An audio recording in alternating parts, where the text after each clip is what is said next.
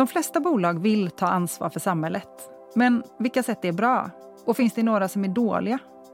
I Ansvaret-podden bjuder vi in personer som har koll på hur företag kan ta ansvar och göra skillnad för både samhället och sin verksamhet. Jag heter Tove Lindahl Greve och är VD för Ansvaret. I dagens avsnitt träffar jag Gabriel Wikström. Det är en chimär att tro att man har ett val. Eh, det är ju liksom det finns ju ett gammalt talesätt som säger att antingen kan man bygga skolor eller också kan man bygga fängelser. Gabriel är utsedd av regeringen till nationell samordnare för Agenda 2030. Han delar med sig av sina tankar om vad Agenda 2030 kan vara, vilken roll den kan spela för företag och vad han menar när han säger att vi inte har något val. En av de första frågorna jag brukar få när jag är och pratar med företag är ju vad menar du ens när du säger samhällsansvar? Och eh, då blir jag alltid tyst en stund och sen så eh, försöker jag eh, formulera det på ett enkelt sätt. Skulle du vilja försöka bara med så få meningar som möjligt säga vad, vad skulle du svara på den frågan? Vad är samhällsansvaret? Samhällsansvaret eh, handlar ju om att vi alla, både individer men också organisationer, är del utav en större gemenskap som vi kallar för samhället. Och eh, när vi verkar här så kan man inte bara se till sina egna behov och intressen utan man måste också se till det allmännas bästa, det vill säga samhällets bästa. Det betyder att man har ett ansvar för sina medmänniskor men man har också ett ansvar för det som händer och sker i samhället och man måste fullgöra det så långt man kan. Den, den kommer jag ta rakt av nästa gång. Hoppas att det är okej. Okay. Absolut. Ja, men tack för att jag får vara här och jag är som sagt nationell samordnare för Agenda 2030. Eh, det som är egentligen FN och eh, de flesta länder i världens plan för hur man ska bygga en hållbar värld. Eh, och det som många som har kommit i kontakt med agendan tänker på det är att det finns 17 mål och de spänner allt ifrån att man ska utrota fattigdom till att man ska ha fred på jorden. Så det är väldigt högt flygande planer. Eh, det finns också 169 delmål och de är det definitivt inte alla som har läst. Eh, det tycker jag man ska göra för de är väldigt progressiva och väldigt mer radikala tycker jag på många sätt än de här 17 målen. Eh, men agendan innehåller också ett antal principer kring hållbarheten. Att ingen ska lämnas efter i hållbarhetsarbetet, det vill säga vi kan inte bara Eh, man skulle kunna tänka sig att man bygger en hållbar värld genom att eh, man låter de fattiga förbli fattiga. För då eh, tär man inte så mycket på jordens resurser och sen kan vi i väst leva på som vi alltid har gjort. Men agendan säger väldigt tydligt att all, ingen ska lämnas efter utan alla måste ha en skälig levnadsstandard, rätt till utbildning, hälsa och så vidare. Och det innebär att vi Ja, det innebär att, att man måste genomföra hållbarhetsarbetet på ett visst sätt. Va? Och sen finns det också ytterligare, man brukar prata om tre dimensioner. Att det handlar inte bara om miljö och klimat utan man pratar också om den sociala dimensionen. Att vi ska ha social hållbarhet och vi ska ha ekonomisk hållbarhet. Största förtjänsten med Agenda 2030 är att den har skapat ett språk kring hur man kan prata om hållbarhet och som också är globalt. Och det gör att det blir lättare att jämföra men det blir också lättare tror jag att bedriva forskning och utvecklingsarbete. Och då brukar man ju i den allmänna diskussionen ofta prata om eh, just eh, eh, målkonflikter. Det vill säga att om man ska eh, genomföra ett eller flera utav målen i agendan så kommer de riskera att stå i konflikt med varandra. Det där lyfts ofta upp som ett jättestort problem med agendan. Men forskning har visat att eh, målkonflikterna är faktiskt inte så många. Men däremot så är målsynergierna desto flera. Det vill säga man skulle kunna arbeta med ett antal mål och då når man flera utav de andra målen på en och samma gång. Eh, så att genom att med olika verktyg identifiera för ens egen organisation eller i den samhällskontext man befinner sig i vilka synergierna är med att jobba med ett visst antal mål. Så behöver man inte jobba med alla 17 mål. Det kanske räcker med att jobba med tre, men man kommer bidra till alla 17 i alla fall. Och det är någonting som vi också försöker lyfta upp på olika sätt. Det ser jag när jag jobbar med enskilda företag i en mikrokontext. Mm. Att de ser först att det verkar väldigt svårt, att det känns tungt, att det går emot deras grundidé, kanske affären. Och så börjar de nysta på något håll. Och ju längre de jobbar, desto tryggare blir de i att det här kommer bidra inte bara till det vi först mm. anade. Det kommer hjälpa oss med andra strategiska, kanske till och med affärsstrategiska utmaningar. Och det kommer också bidra till andra eh, i hållbarhetshänsyn gynnsamma effekter som mm. man inte såg från början. Så att jag tror att det kan vara sant både på ett större systemiskt plan men också för den enskilda aktören. Verkligen och vi har upptäckt att det här är ett fantastiskt, agendan fungerar som ett väldigt bra verktyg i organisationer som just eh, behöver utvecklas och det behöver ju i princip alla organisationer göra men framförallt där man behöver få olika delar av organisationen att kommunicera med varandra. Vi har ju testat det i en väldigt komplicerad organisationsform som råkar heta kommuner. Eh, och då samarbetar vi med Stockholm Environment Institute som har tagit fram ett verktyg som de kallar för SDG Synergies. De har framförallt jobbat på landsnivå tidigare men vi såg att det här skulle man nog kunna jobba med på kommunal nivå. Det går ut just på att identifiera hur få mål behöver man arbeta med för att nå så många mål som möjligt. Mm. Då måste man sätta sig eh, ekonomer, socionomer, eh, eh, skolledare, lärare, alla möjliga va? för att tillsammans försöka definiera detta. Och ofta lyckas de bra definiera detta och de hittar vilka mål som de borde jobba med för att nå så många andra mål som möjligt. Men framför allt så börjar de prata med varandra. Och det slår mig varje gång hur sällsynt det är att vi möts över professionsgränserna. Även i en och samma organisation. Och Det betyder att vi sitter där med våra skilda perspektiv och har svårt att, att komma framåt därför att vi har så olika syn på inte bara lösningarna utan också vad problemen och behoven faktiskt är. Mm. Och Det här hjälper till att identifiera dem och få människor att börja prata med varandra.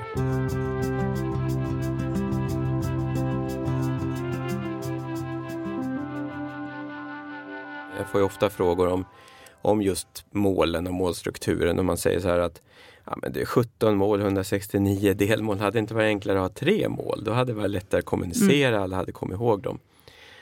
Och jag brukar säga att ja, absolut, om det hade varit en kommunikationsplan som FN tog fram. Men det är inte det som man har tagit fram, utan det är en plan för vilka stora samhällsfrågor man behöver adressera för att kunna nå en hållbar värld. Och eh, det är så den måste förstås och det är så den måste användas också. Det är naturligtvis utopier, många av målen.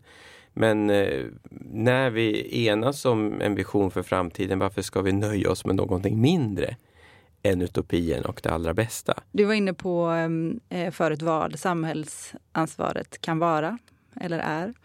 En annan fråga som jag brukar prata med gäster i podden om är vem det är som har det. Globala målen och Agenda 2030 kommer ju från FN och tidigare har ju de jobbat genom konventionen för mänskliga rättigheter och olika direktiv som kommer utifrån dem. Till exempel barnkonventionen som ju är lag i Sverige numera kommer direkt därifrån. Och i alla de konventionerna så har man riktat sig mot stater primärt. Mm. Då har man pratat om att det är stater som på olika sätt kan förändra förhållanden och som kan påverka. Medan det är annorlunda i Agenda 2030 där man istället pratar om stakeholders. Vill du berätta lite mer om det? Vem riktar man sig mot i Agenda 2030? Ja, det korta svaret är ju alla.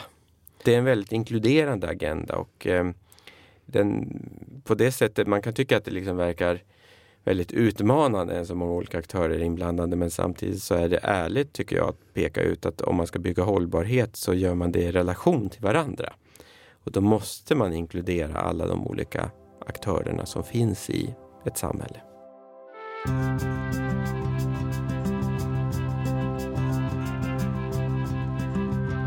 Där vi återkommer till målkonflikter, att inom näringslivet så finns det en hel del röster eh, som pekar på att det finns en målkonflikt mellan själva naturen av ett i alla fall ett aktiebolag och vad de ska uppfylla eh, och synen på dem som en aktör som kan ta samhällsansvar bör och kanske skall eh, utöver lagkrav ta ett samhällsansvar.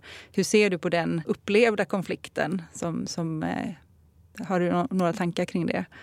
Vad man kan möta det argumentet med? Ja, dels så tror jag att den är delvis upplevd. Det vill säga att jag tror att man kan göra mycket mer och det visar ju också en rad exempel på företag som gör mycket mer än att bara se till, till eh, vinstintresset eller aktieägarnas intresse. Då.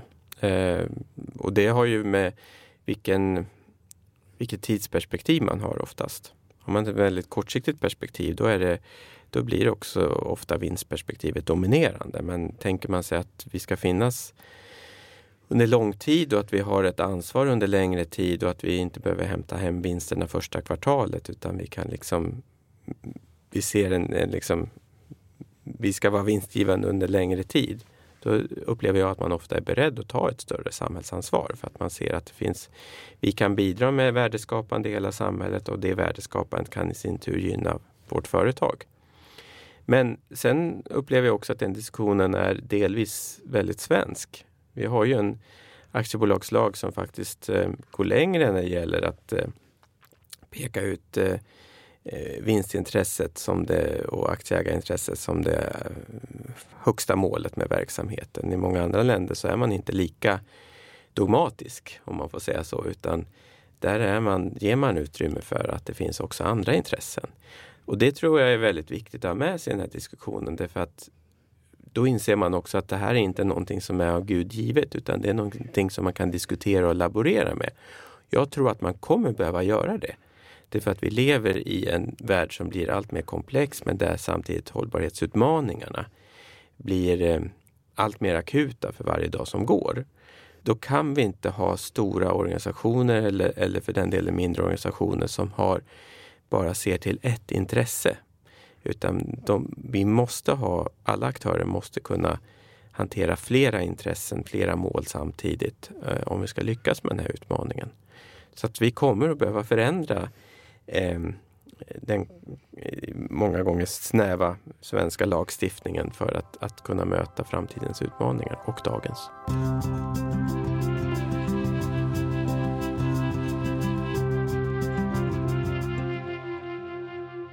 Förra året kom ju nationella samordnaren med en delrapport. Vill du berätta lite om vad ni kom fram till i den? En av våra huvudpoänger där, det är just att det man saknar är ett tydligare ledarskap ifrån den politiska nivån.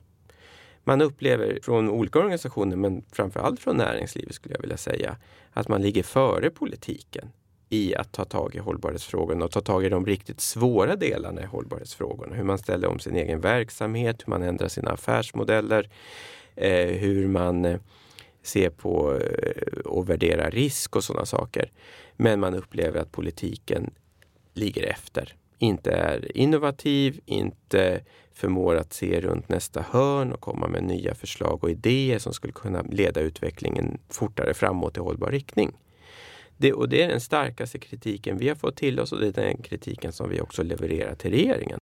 Eh, och det här eh, gäller, tror jag, mer eller mindre alla partier i, i, i Sveriges riksdag. Budskapet från politiken är att man kan leva på som vanligt, vi kan leva på som samhälle som vanligt. Vi behöver inte göra några stora samhällsförändringar utan, utan det viktiga är att hjulen ska snurra. Och det är ju faktiskt inte sant. Och jag tror att allt fler människor inser att det inte är sant.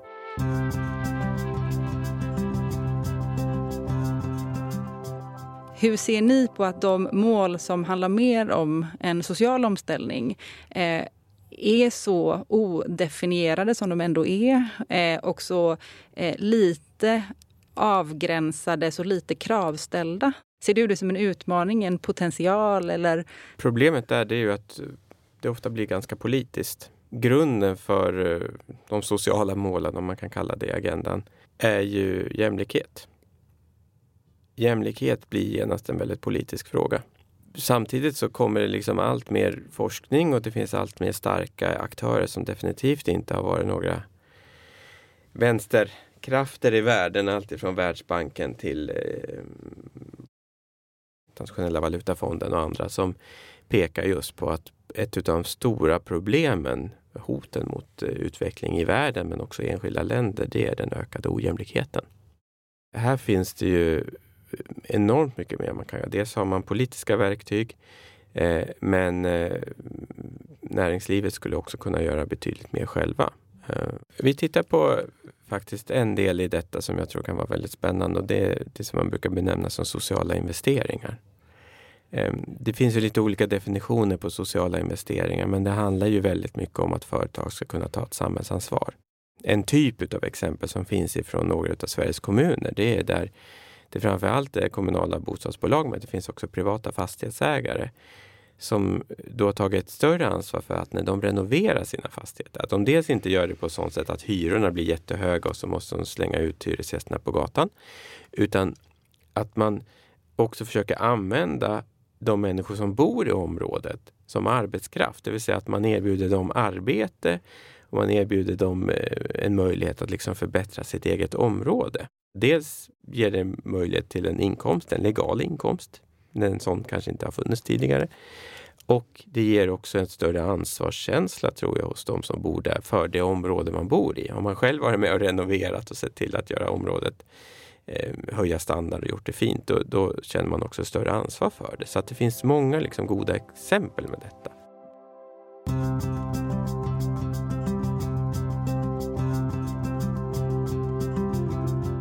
När jag pratar med företag märker jag att de har lagt väldigt stora summor och definitivt mm. resurser på att försöka lösa något som de har sett i närområdet eller på mer nationellt håll, ibland internationellt, någonstans långt bort. Så att intentionen finns, engagemanget finns och resurserna mm. även i pengar finns. Men när jag då sammanställer vad effekten hittills har blivit så är det väldigt oklart. Mm hur ska vi mäta inte bara resultat utan effekt på kort och lång sikt? De kanske är villiga att gå in i en långsiktig social investering och mm. säger att vi är fine med att vi får eh, se huruvida det här lyckades om 20 år. Om vi har tillräckligt med incitament att tro att vi kommer lyckas, om vi har statistik tidigare på populationsnivå och så vidare. De, de är, de är okej okay med det. Mm. Men säger de, vi har inte resurserna och följa upp detta hos oss. Det är inte vår expertis och det, vi har inte utrymme för det i verksamheten så pratar man med civilsamhällesaktörerna som många gånger är de utförande mm. krafterna.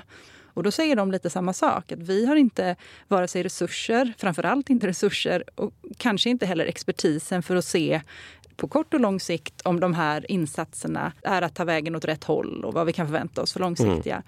effekter. Och då kan jag ibland känna mig lite matt inför det faktum att här finns ju alla pusselbitar på plats. Här har vi bolag med stora resurser och, och viljan och kraften. Vi har utförarna på plats. Utförarna kan ju också många gånger vara en offentlig organisation. Mm. Men om man jämför då återigen med klimatomställningssidan där vi ibland nästan känner att det finns en, en skepticism inför mäter vi för mycket, mäter vi rätt grejer? Har vi, där har effekt, eh, mm. viljan att se effekt eh, nästan lett till det motsatta. Vad tänker du kring det? Hur, hur ska man ta sig an det när, när, när alla pusselbitar finns men, men eh, den här ganska så centrala ändå kan saknas? Jag tror att du har rätt i att det måste bedrivas mer forskning om hur man mäter resultat när det gäller sociala insatser. Eh, och hur man kan också mm, översätta dem i kronor och ören. Men det finns samtidigt en övertro hos många att bara vi får det där verktyget som faktiskt mäter resultaten i pengar så kommer de här typen av investeringar att öka och viljan och engagemanget. Och det är jag inte alls så säker på. Jag tror att det här är betydligt mer komplicerat än att räkna på infrastrukturinvesteringar eller Eh, Eh, klimatinvesteringar eller sådana saker. Företag liksom andra organisationer måste se att man är en del av ett samhälle och man måste ställa sig frågan vilket samhälle vill vi verka? Vill vi verka i ett samhälle där eh, barnen inte har några fritidsaktiviteter eller där arbetslösheten är väldigt hög eller där de anställda och våra kunder ha bostäder eller inga bostäder alls för att bostadsbristen är väldigt stor. Och om man eh, säger att man inte vill leva i ett sådant samhälle utan vill leva i ett samhälle där människor har det bra. Då måste man ställa sig frågan utöver vad vi gör i vår kärnverksamhet. Vad kan vi göra mer med vår organisation, våra resurser, vår kompetens för att bidra till att människor får det bättre i vårt närområde? Jag tycker att det är så enkelt.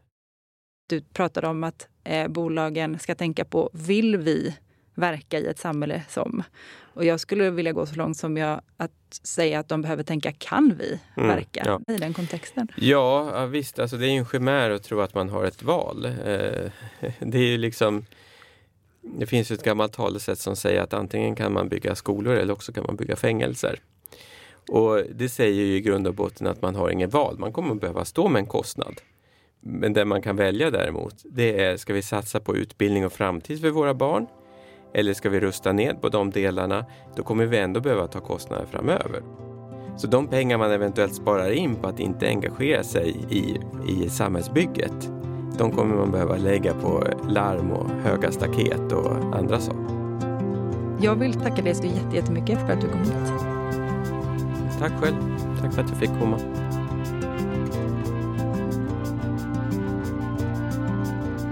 Detta avsnitt av Ansvaret-podden producerades 2023 av Ansvaret AB.